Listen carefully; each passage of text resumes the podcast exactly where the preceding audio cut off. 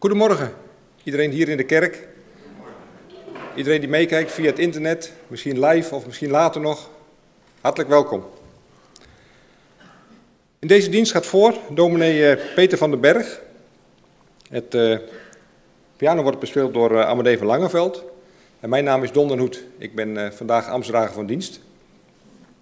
Ik heb een paar afkondigingen voor u, maar ik wil eigenlijk eerst het woord even geven aan Edward, die ook weer ik zou zeggen, de jaarlijkse belangrijke mededeling heeft.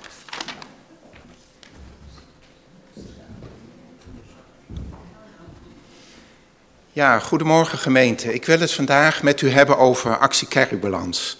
De actie Kerkbalans gaat vandaag van start. En er hoort natuurlijk ook een passend verhaal bij. Ik heb hier mijn rugzak meegenomen. U ziet, hij is zo plat als een dubbeltje, als je hem van de zijkant ziet.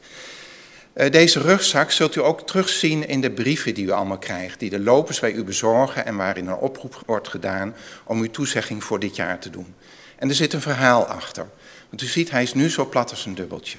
Deze rugzak die staat symbool voor ons kerkgebouw, onze Samen op Wegkapel. Deze rugzak staat ook symbool voor onze predikant, die voor ons werkt en met ons samenwerkt. Voor jullie als vrijwilligers en voor de activiteiten die we door het jaar heen doen. Maar u ziet, en deze rugzak, ik neem ook mee als ik de berg in ga. Zonder deze rugzak ben ik nergens. Lukt mij toch niet, haal ik de eindstreep niet. Maar u ziet, als die zo plat is, gaat het ook niet werken. Daar moet wat in. Daar moet proviant in. En ik heb hier wat dingen voor mij uitgesteld. u kunt hier zien, natuurlijk, ik kan een kapje meenemen maar dan ga ik het niet mee redden. Liever neem ik een heel brood mee. En deze proviant staat voor de toezeggingen waar ik op hoop van u. Voor het geld wat u gaat bijdragen aan de actie Kerkbalans. En als er één ding is wat ik weet, is dat de tocht dit jaar zwaarder zal zijn als vorig jaar. Het salaris wat, uh, wat, of salaris wat we aan Utrecht moeten betalen voor Jolande, niet, niet gezegd dat zij zoveel meer verdient, dat is een hoger bedrag. Ook de stookkosten hier in de kerk, hoewel we daar alles aan proberen te doen om het te reduceren, en u zult het zelf ook weten van thuis, dat zijn hogere kosten.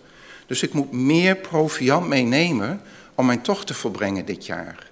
En als ik één ding weet als ik in de bergen ben, ik moet echt voldoende bij me hebben. Want anders op de laatste dagen ben ik zo slap, de kans dat het dan misgaat is heel groot. Dus daarom doe ik een klemmend beroep op u als de, uh, als de, uh, de lopers langskomen en de brief bezorgen, kijk dan eens naar deze foto. En denk aan een bergbeklimmer die zijn tocht wil verbrengen. En zorg ervoor dat er voldoende proviand in de rugzak komt. Ik wil u daarvoor alvast hartelijk voor danken en de lopers alle succes toewensen bij bezorgen van de enveloppe actiekerkbalans. Dank u. Ik ga op reis.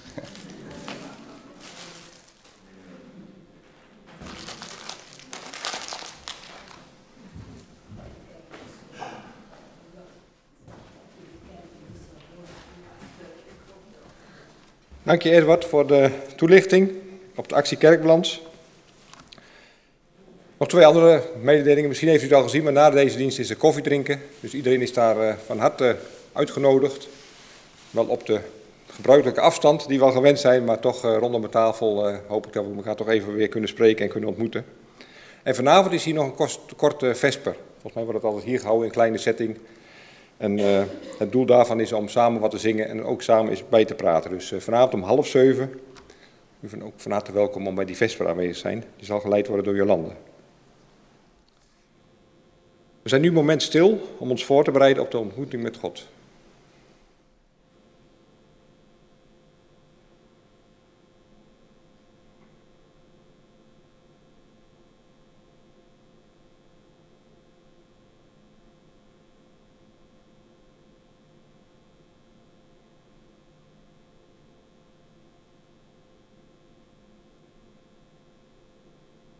Ik wens u allen hier in de kerk, maar ook thuis, een hele gezegende dienst. We gaan beginnen met ons openingslied, Psalm 84, de versen 1 en 3.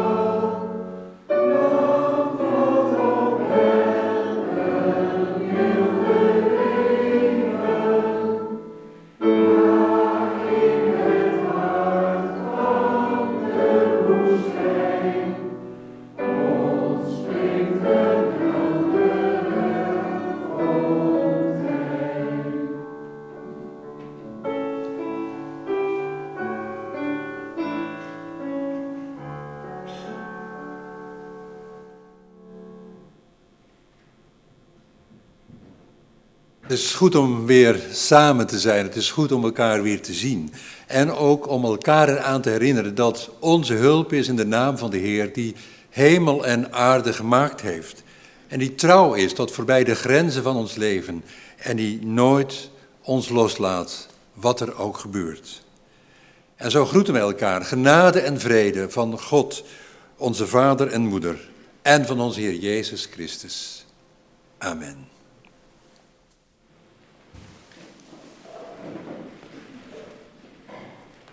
Laten we bidden. Eeuwige God, wij geloven dat u nog altijd bezig bent met uw schepping. En dat wij geroepen zijn om uw bondgenoot te zijn of te worden. Maar ook dat wij zelf nog niet klaar zijn, niet af en voltooid. En dus nog steeds onderweg naar hoe wij bedoeld zijn. Dat beseffen wij en beleiden wij.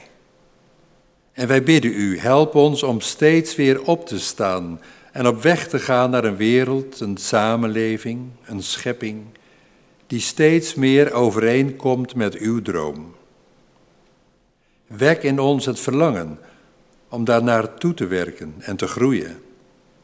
Voor ons en die na ons komen. Door Jezus Christus onze Heer. Amen.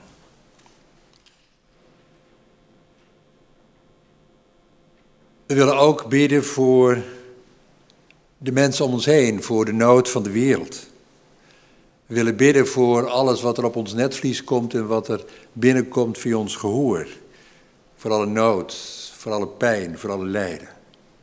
Maar we willen God ook loven, want groot is zijn barmhartigheid en het rijk van zijn liefde kent geen einde.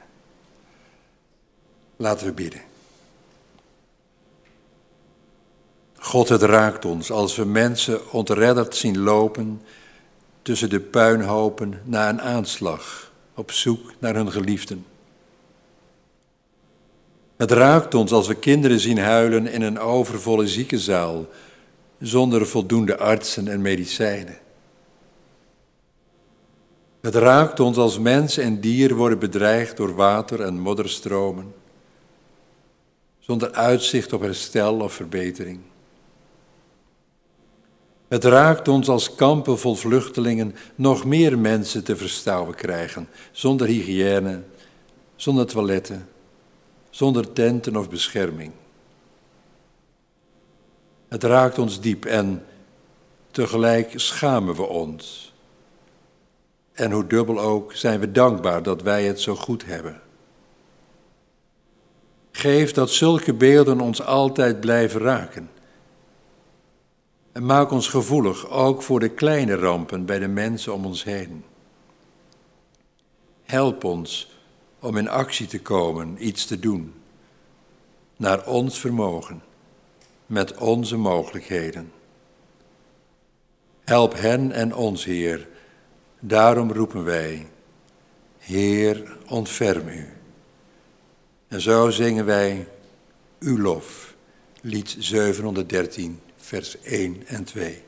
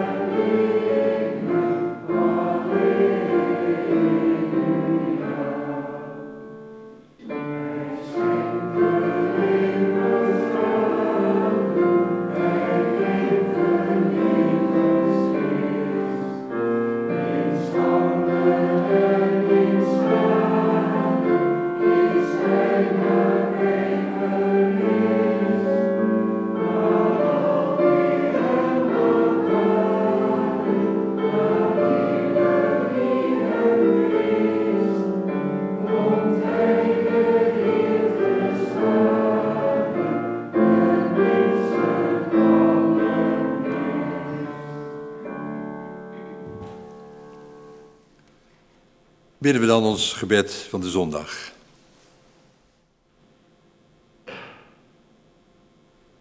Herder van mensen. Woorden kunnen verbinden en verbreken. Kunnen afstand scheppen en nabijheid geven. Geloofstaal die eens heilig was, kan leeg worden, ijl. Help ons dan om woorden te vinden, te spreken en te horen, die gevuld zijn, vol van warmte, licht en leven. Vol van toekomst ook voor hier en nu. En voorbij de grenzen van ons kennen. Vul ons met verlangen, vertrouwen en verwachting Vul ons met geloof. Door Jezus Christus onze Heer. Amen. Het thema van vanmorgen is onderweg naar. En ik vond eigenlijk in deze twee tekeningen wel het symbool van, van dit thema. Je ziet in die vierkant zie je een doolhof. En in die cirkels zie je een labyrint. En daar zit een wezenlijk onderscheid in. Als je naar de doolhof kijkt, dan zie je dat, dat, dat er doodlopende stuk in zit als je daar doorheen zou willen wandelen. Op weg naar een uitgang of naar een centrum. En bij een doolhof is ook vaak het kenmerk dat je ook nog niet ziet waar je uitkomt, waar het om gaat. Of het om een centrum is of om een uitgang. door alles wat er om je heen staat, zie je dat niet. Dus je moet steeds zoeken onderweg. En een doolhof staat dus ook symbool voor al de keuzes die je moet maken als mens onderweg. Waarvan je soms ook niet kan overzien, misschien maar een klein stukje, wat daar de consequenties voor zijn. Dus een doolhof is, of beklemtoont eigenlijk steeds weer opnieuw moeten kiezen en ook weer op je schreden terug moeten keren. Een labyrint is echt iets anders. Een labyrint, in een labyrint zie je vaak al het eindpunt. In een labyrint weet je waar je naartoe gaat. Alleen, het gaat nooit rechtstreeks. Het labyrint laat eigenlijk het levenspad van een weg zien die, waarop je nooit terug kunt keren. Je kunt alleen maar vooruit, hoe kronkelig je weg ook loopt. Er is ook maar één weg, dat is de weg van je leven. Je kunt niet terug in de tijd. En een labyrint is ook een hele oude vorm. Het is ook van voor de christelijke tijd. We kennen dat uit, uit Kreta en uit andere oude uh, ja, samenlevingen, culturen waarin ook het labyrint al aanwezig was. Maar het labyrint is ook omarmd in de christelijke tijd. In het oude christendom stond het labyrint eigenlijk voor de pelgrimsweg. De pelgrimsweg naar Jeruzalem. De pelgrimsweg van een mens in zijn leven naar het hiernamaals. Of ook meer algemeen de weg om nader tot God te komen. Een kronkelweg met een doel.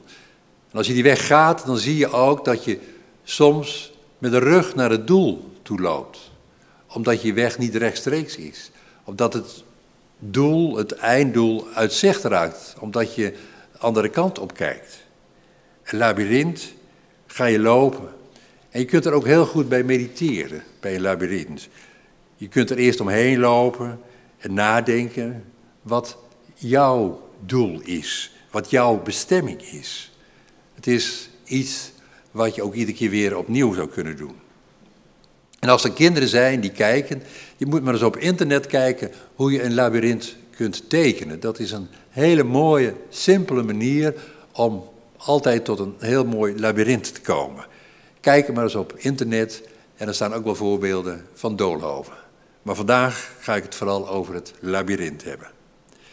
De eerste lezing is uit het Oude Testament, uit het boek Jezaja. Jezaja 65. Ik zal deze pakken.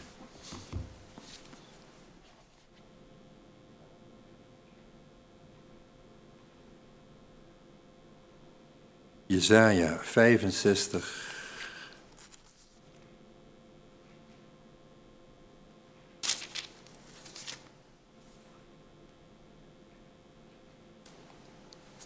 Versen 17 en 18. Zie, zegt God, ik schep een nieuwe hemel en een nieuwe aarde. Wat er vroeger was, raakt in vergetelheid. Het komt niemand ooit nog voor de geest. Verheug je voor altijd en jubel om wat ik schep. Ik herschep Jeruzalem in een jubelende stad en schenk haar bevolking vreugde. Dat is de eerste lezing en we zingen nu van lied 823 het eerste couplet.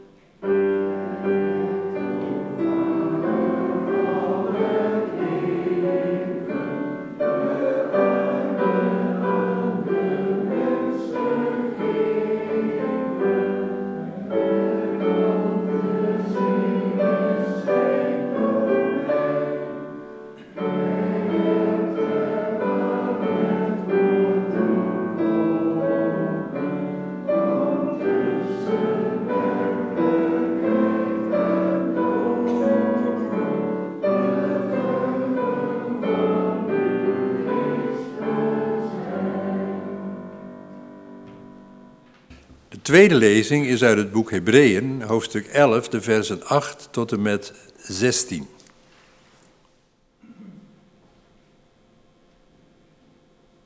Door zijn geloof ging Abraham, toen hij geroepen werd, gehoorzaam op weg naar een plaats die hij als erfenis zou ontvangen.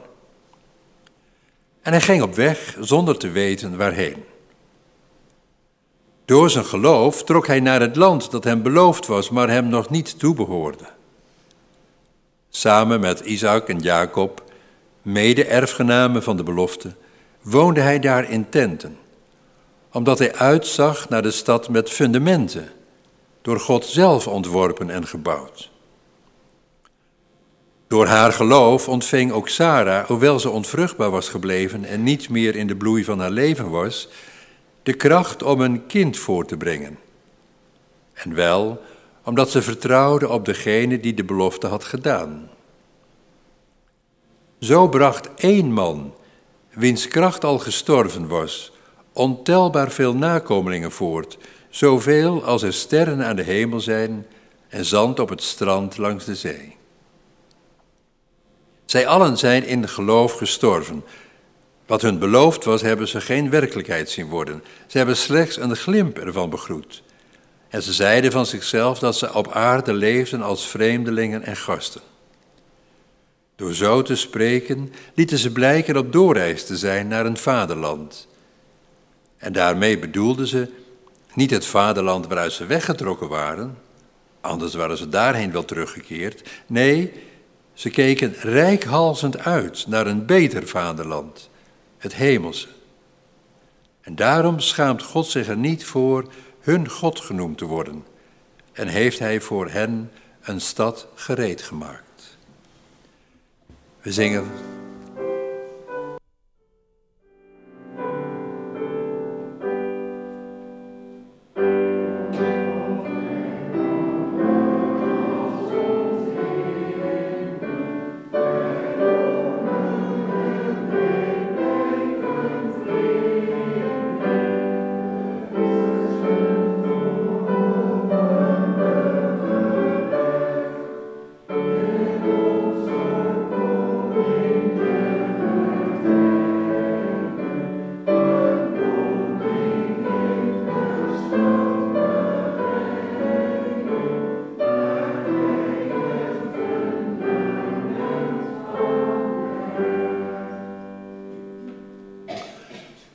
derde lezing is uit het Evangelie naar Lucas, hoofdstuk 12, de versen 32 tot en met 40. En daarna zingen we lied 339a. Het, dat is maar één vers van dus. 339a, de acclamatie. Lucas 12 vanaf vers 32. Wees niet bang, kleine kudde, want jullie vader heeft jullie in zijn goedheid het koninkrijk geschonken. Verkoop je bezittingen en geef geld aan de armen. Maak voor jezelf een geldbuidel die niet verslijt, een schat in de hemel die niet opruikt, waar een dief niet bij kan en die door geen mot kan worden aangevreten. Waar jullie schat is, daar zal ook jullie hart zijn. Sta klaar, doe je gordel om en houd de lampen brandend. En wees als knechten die hun Heer opwachten wanneer hij terugkeert van een bruiloft, zodat ze direct voor hem open doen wanneer hij aanklopt. Gelukkig de knechten die de Heer bij zijn komst wakend aantreft. Ik verzeker jullie, hij zal zijn gordel omdoen, hen voor de maaltijd nodigen en hen bedienen. Gelukkig degene die hij zo aantreft, ook al komt hij midden in de nacht of kort voor het aanbreken van de dag. Besef wel, als de heer des huizes had geweten op welk uur de dief zou komen, dan zou hij niet in zijn huis hebben laten inbreken. Ook jullie moeten klaarstaan, want de mensenzoon komt op een tijdstip waarop je het niet verwacht. Tot zover deze lezingen.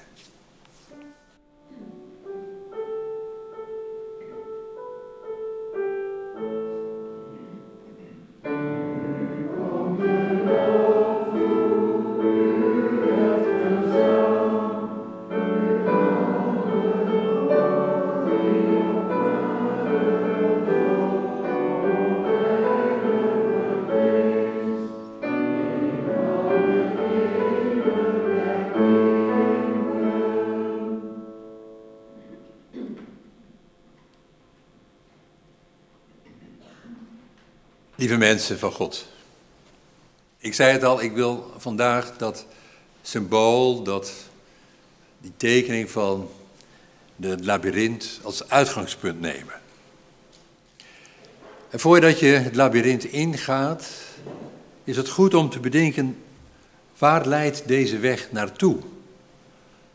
Wat is het doel? Wat is mijn bestemming? Misschien wel, wat is mijn bestemming in het leven?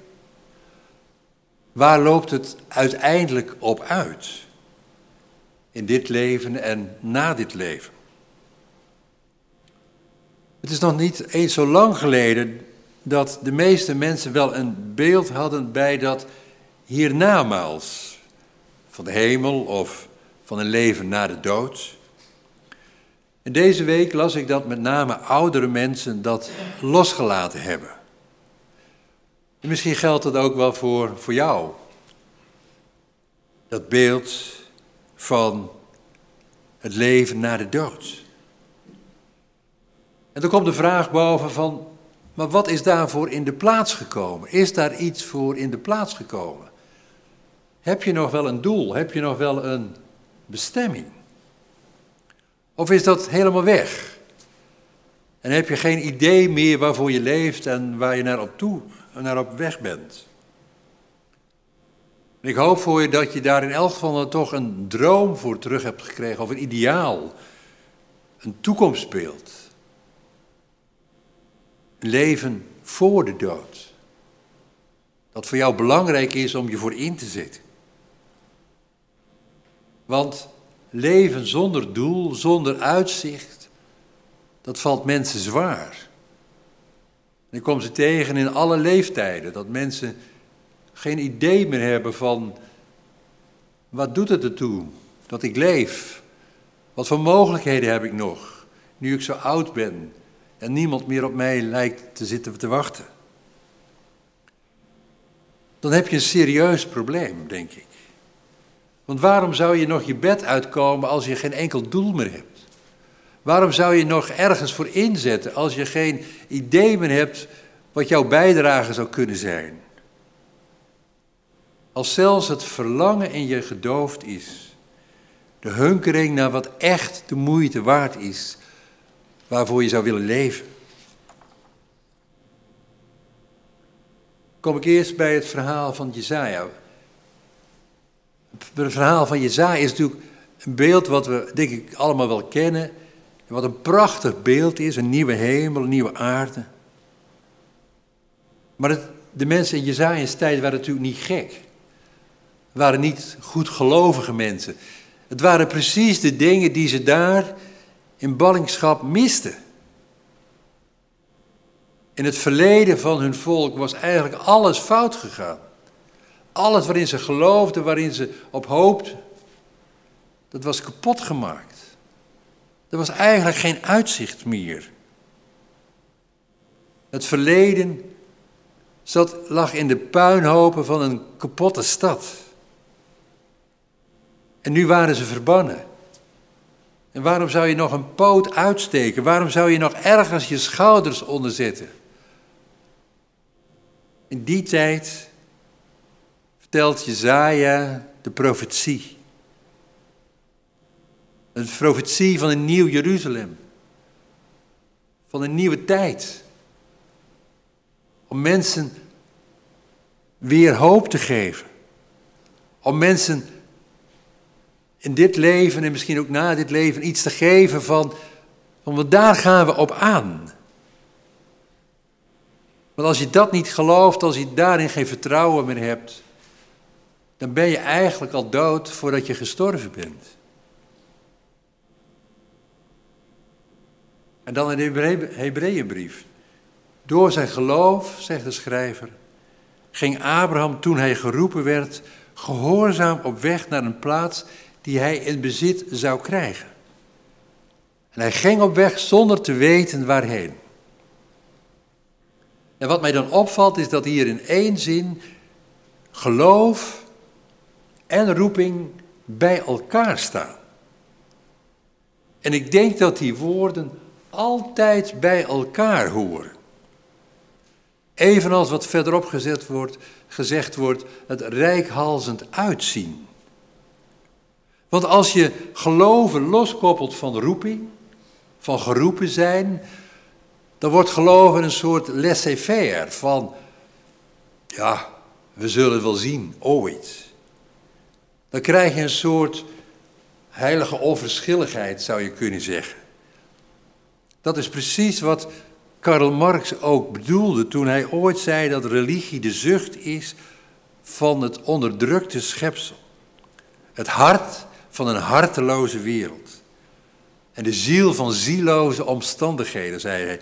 Opium van het volk. Geloven zonder roeping. En ik denk dat hij daarin gelijk heeft. Als je dat van elkaar loskoppelt, geloven en roeping, geloven en rijkhalzend uitzien, dan wordt het een handhaven van de huidige situatie en van Gods water over Gods akker laten lopen.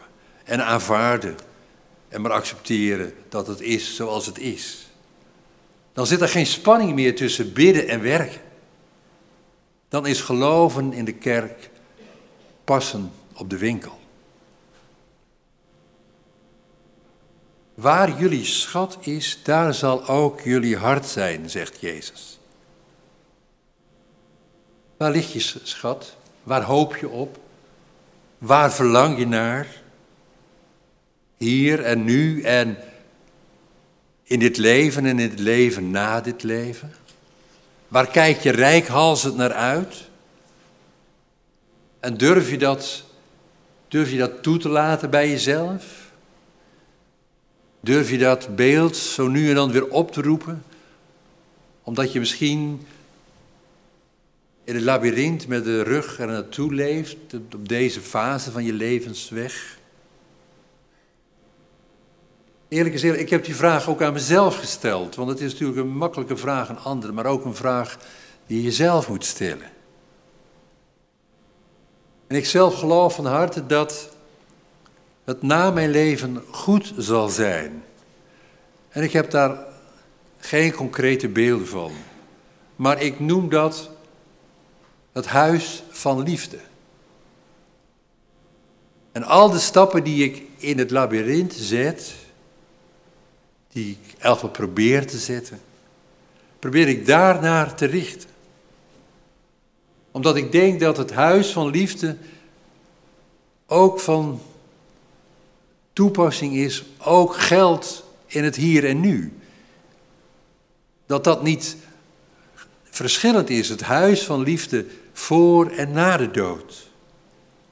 Dat de nieuwe hemel en de nieuwe aarde, het nieuwe Jeruzalem, symbolen zijn voor de stappen die ik nu kan zetten. Dat de stappen die ik zet, dat het maar uiteindelijk één weg is, één labyrint, één kronkelweg, dat wel. Maar toch een weg daar naartoe. En dat ik op die weg naar het huis van liefde een pelgrim ben. Dat is mijn roeping. Daar ligt mijn hart. En waar ligt jouw hart? Waar ligt jouw roeping? Sta klaar, zegt het Lucas-evangelie. Doe je gordel om en hou de lampen brandend. Alert zijn, rijkhalzend uitzien, steeds bereid om, om toch maar weer in beweging te komen. Zo zou je de opsomming in de Hebreeënbrief ook kunnen lezen. En die opsomming in Hebreeën worden vaak, de mensen worden geloofsgetuigen genoemd. Maar ik denk dat dat onvoldoende weergeeft dat zij steeds weer bereid waren om op te staan en onderweg te gaan, in beweging te komen. Om hun doen en laten te laten bepalen door, door hun bestemming, door waar ze naar op weg waren. Ja, en ik moet ook toegeven, als ik dat lees in de Hebreeënbrief, al die opsommingen van die geloofsgetuigen, dat ik daar ook een beetje simpel van word. Omdat alles hier op, de kaart van het geloof wordt gezet. Maar ik denk dat we allemaal oud en wijs genoeg zijn om te weten dat in het leven van een mens nooit alles op de kaart van het geloof wordt gezet. Dat geloof nooit het enige argument is. Als je bijvoorbeeld kijkt naar alle kerken en kathedralen die gebouwd zijn, die zijn niet alleen gebouwd op geloof, maar ook op het geld van arme mensen. En door de inspanning van honderden mensen, die dit soms deden ten koste van hun gezondheid. Het is nooit alleen maar geloof. Maar aan de andere kant vergis je ook niet dat het bouwen van zo'n kerk of van zo'n kathedraal, dat het levensonderhoud aan mensen gaf, een doel, dat betekenis gaf aan hun leven. Daaraan heb ik meegebouwd, daaraan heb ik meegewerkt. Waar ze trots op waren, op dat kleine stukje. Heb je dat gezien? Dat heb ik gedaan. Zoals ik soms nu nog met oude architecten op pad ben en dan hoor van, ja, maar dat heb ik gebouwd. Of daar heb ik mee aan meegewerkt. En natuurlijk ook bij het bouwen van kerken spelen er angsten mee en, en persoonlijke belangen. En, en dan gaat het om macht en gaat het om ego's. En zo dubbel en zo meervoudig is het allemaal. Maar sola fides is het nooit alleen. Maar aan de andere kant, aan de andere kant, als je niet ziet dat het ook met geloven te maken heeft, met, met het, je richten op een doel, op iets wat je zou willen bereiken, op iets waar je aan zou willen meewerken, dan zie je de gist in het brood niet. Dan zie je niet wat mensen op de benen hield toen ze tegenslagen hadden. En zijn we soms ook niet te benauwd om dat gist, dat verlangen, die drive te benoemen? Ook al is het niet het enige. Maar dat wat je gaande houdt, dat wat je onderweg houdt, dat wat je steeds weer doet opstaan. Dat geloof, dat vertrouwen, dat mag toch ook benoemd worden. En ik zei het al, veel mensen zijn hun beelden, hun geloof en vertrouwen in een leven na de dood kwijtgeraakt. En dat snap ik ook. En ik denk dat ook niemand dat je terug kan geven. Ik niet, maar ook Jezaja niet en, en zelfs Jezus en de apostelen niet. Maar bedenk dat geloven niet statisch is, niet een, niet een status quo, maar een weg. Een weg die je vol verlangen kunt gaan. En ik kwam onverwacht een mooie beschrijving daarvan tegen van oud-president Obama. Die zegt over zijn leven: Het was een keuze en geen plotselinge openbaring. En de vragen die ik had waren niet op magische wijze verdwenen. Maar ik gaf me over aan Gods wil en besloot me te wijden aan het ontdekken van Zijn waarheid. Een weg, een proces. Wij zijn mensen onderweg. We zijn pelgrims met een doel.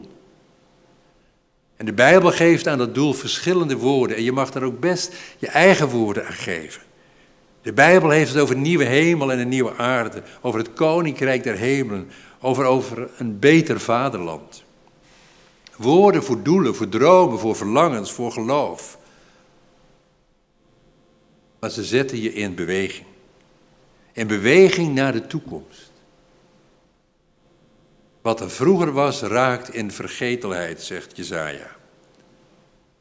Geloven en roeping, die horen bij elkaar. En al eeuwenlang gaan mensen op zoek, op weg naar een beter vaderland. Daarom, zegt de schrijver van de Hebreeënbrief, schaamt God zich er niet voor hun God genoemd te worden. En heeft hij voor hen een stad gereed gemaakt.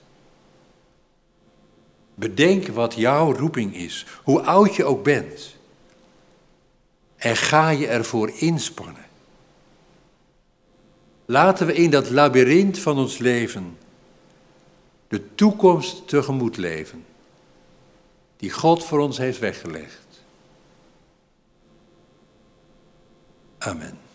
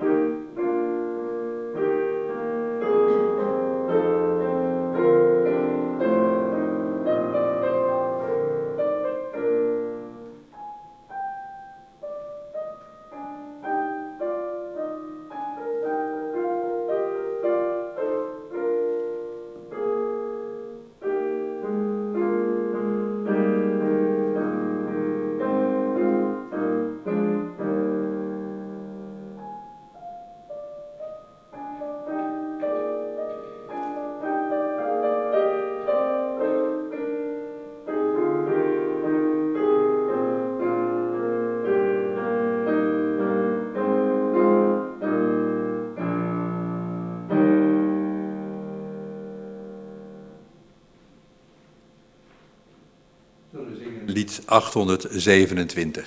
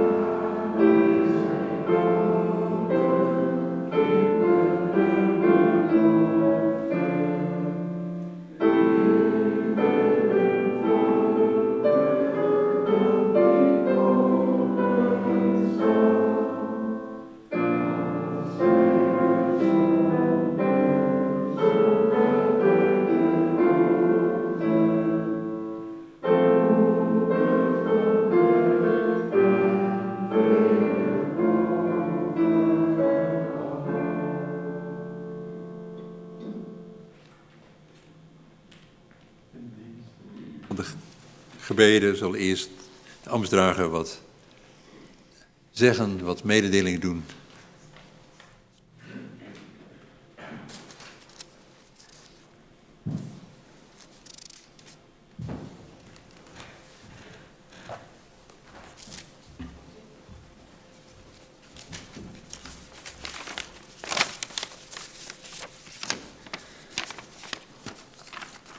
De mededelingen van de diaconie deze zondag. Um, deze was bloemen. Ik heb hem even hier op tafel gezet, want ik weet niet zeker of u hem thuis ook kon zien. Maar die gaat deze week als bemoediging eh, van de gemeente aan ons groet naar de familie Mons aan de Venusstraat. Uh, op de balie ligt zoals gebruikelijk een kaart. Wilt u daar nog even uw naam opschrijven, dan uh, gaat het ook met de postbloem mee naar de familie Mons. Dan de collectes.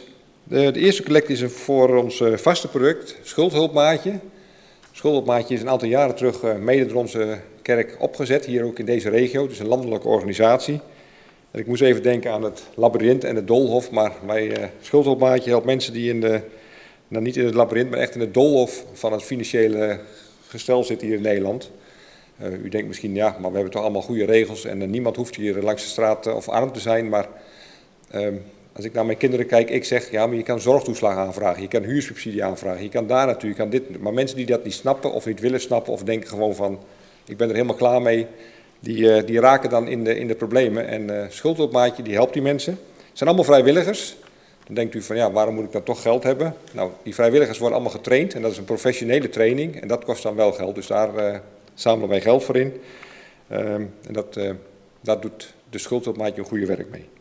De tweede collecte, um, algemeen kerkenwerk. En wij merken dat de eerste collecte altijd wat meer geld opbrengt dan de tweede. Want voor de eerste hebben we al een praatje algemeen kerkenwerk. Nou, wat hebben we nog? Maar is net zo belangrijk, denk ik. Ik zal even denken, algemeen kerkenwerk, de branden kaarsen, we gaan koffie drinken, er, staat, er ligt een bijbel, er staan spullen. Um, heel veel dingen worden vanuit dat potje gedaan, dus absoluut net zo belangrijk als uh, de eerste collecte. Dus alsjeblieft ook de tweede collecte. Dan zijn er heel veel mogelijkheden om het te geven. Er staan bankrekeningnummers op. Er staat hier, er staan schalen in de kerk. Achterin staan er twee en daar staan er twee waar u straks uw bonnen of uw geld in kan doen. We hebben ook de Givit app, daar uh, wil ik ook nog even over zeggen. Bart, die achterin zit, die heeft de afgelopen weken de, de samenvatting daarvan uitgedraaid. Dat gaat dan automatisch vanuit het systeem. Givit werkt via de telefoon, kun je geld overmaken. En ik vind het toch wel mooi om te melden dat de afgelopen jaar is er 2600, ruim 2600 euro binnengekomen. Dus geld wat we toch anders zouden missen, omdat we geen kerkdiensten houden en, en minder collecte binnenkomt, weten toch heel veel mensen al de, de weg te vinden naar de Givit app. Um, wilt u er informatie over of wat dan ook, schiet even mij of Bart of wie dan ook aan, dan kunnen we u daarmee helpen. En, uh, maar goed, het totaaloverzicht van de collectors en de bankrekeningen, dat moet nog komen. Maar uh, Givit App is toch in opmars. En een goede methode, denk ik, om ook thuis, als u thuis kijkt, toch aan de collecte mee te doen. Dus de, vandaag schuldopmaatje en algemeen kerkenwerk. Dank u wel.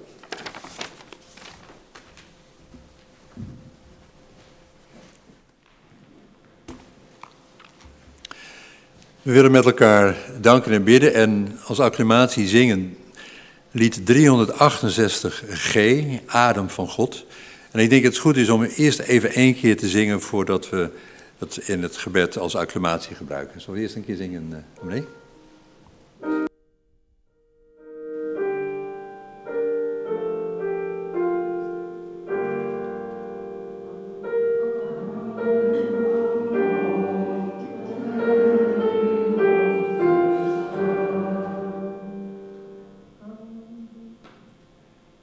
Laten we danken en bidden.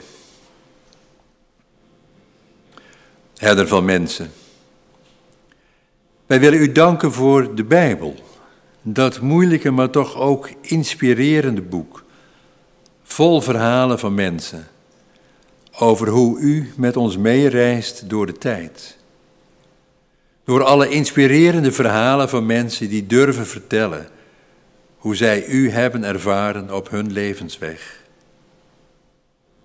En we danken u voor Jezus, die tegen de stroom in bleef vasthouden aan uw droom van een rechtvaardige wereld. Die opstond tegen al het wat dood en verderf zaait. Die bleef vertrouwen dat er een thuiskomst is bij u. En zo op weg ging, komen wat komt. Daarom willen wij u bidden voor alle mensen die het vertrouwen zijn kwijtgeraakt die van hun geloof zijn beroofd door de daden van mensen. Voor hen, voor wie vertrouwen moeilijk is omdat het hen heeft beschaamd en die aarzelen om weer de eerste stap te zetten. We bidden u voor alle mensen die iets van hun geloof willen doorgeven aan een nieuwe generatie.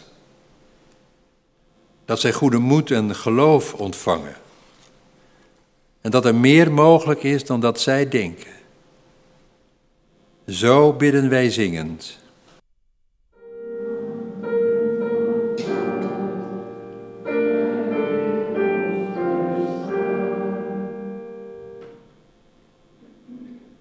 Voor onze, deze gemeente bidden wij.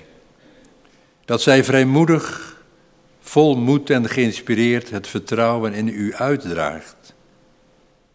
Dat zij vol goede moed en verlangen stappen zet naar een nieuwe kerk, een toekomst waar we nu nog maar van kunnen dromen.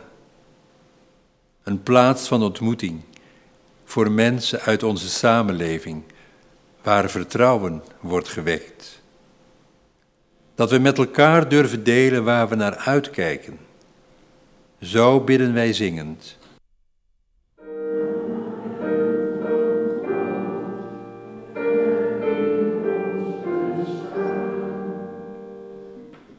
Wij bidden u voor de vele mensen die toppen met hun gezondheid, lichamelijk of geestelijk. Voor alle die onder druk staan. Voor ieder mens vol verdriet en rouw. En vanmorgen bidden wij u voor de mensen die gebukt gaan onder de naweeën van de Holocaust. Van wie het leed wordt gebagatelliseerd of gerelativeerd door het te vergelijken met huidige vormen van leed. Dat zij zich gezien en erkend weten. Zo bidden wij zingend.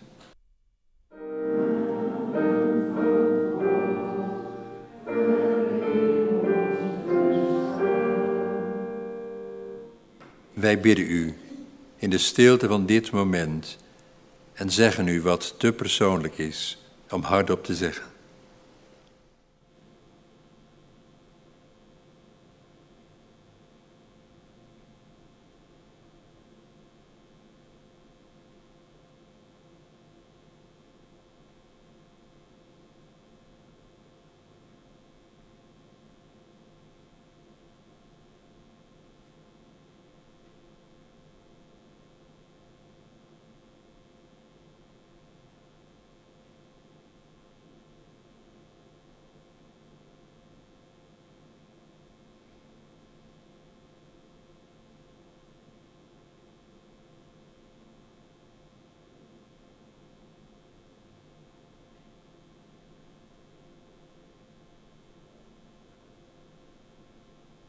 Wij bidden u en roepen u aan als onze Vader, die in de hemel zijt. Uw naam wordt geheiligd, uw koninkrijk komen. U wil geschieden, op aarde zoals in de hemel. Geef ons heden ons dagelijks brood en vergeef ons onze schulden, zoals ook wij onze schuldenaars vergeven. En leid ons niet in verzoeking, maar verlos ons van de boze. Want van u is het koninkrijk en de kracht en de heerlijkheid in de eeuwigheid. Amen. Zingen we ons slotlied, lied 837, vers 1, 3 en 4.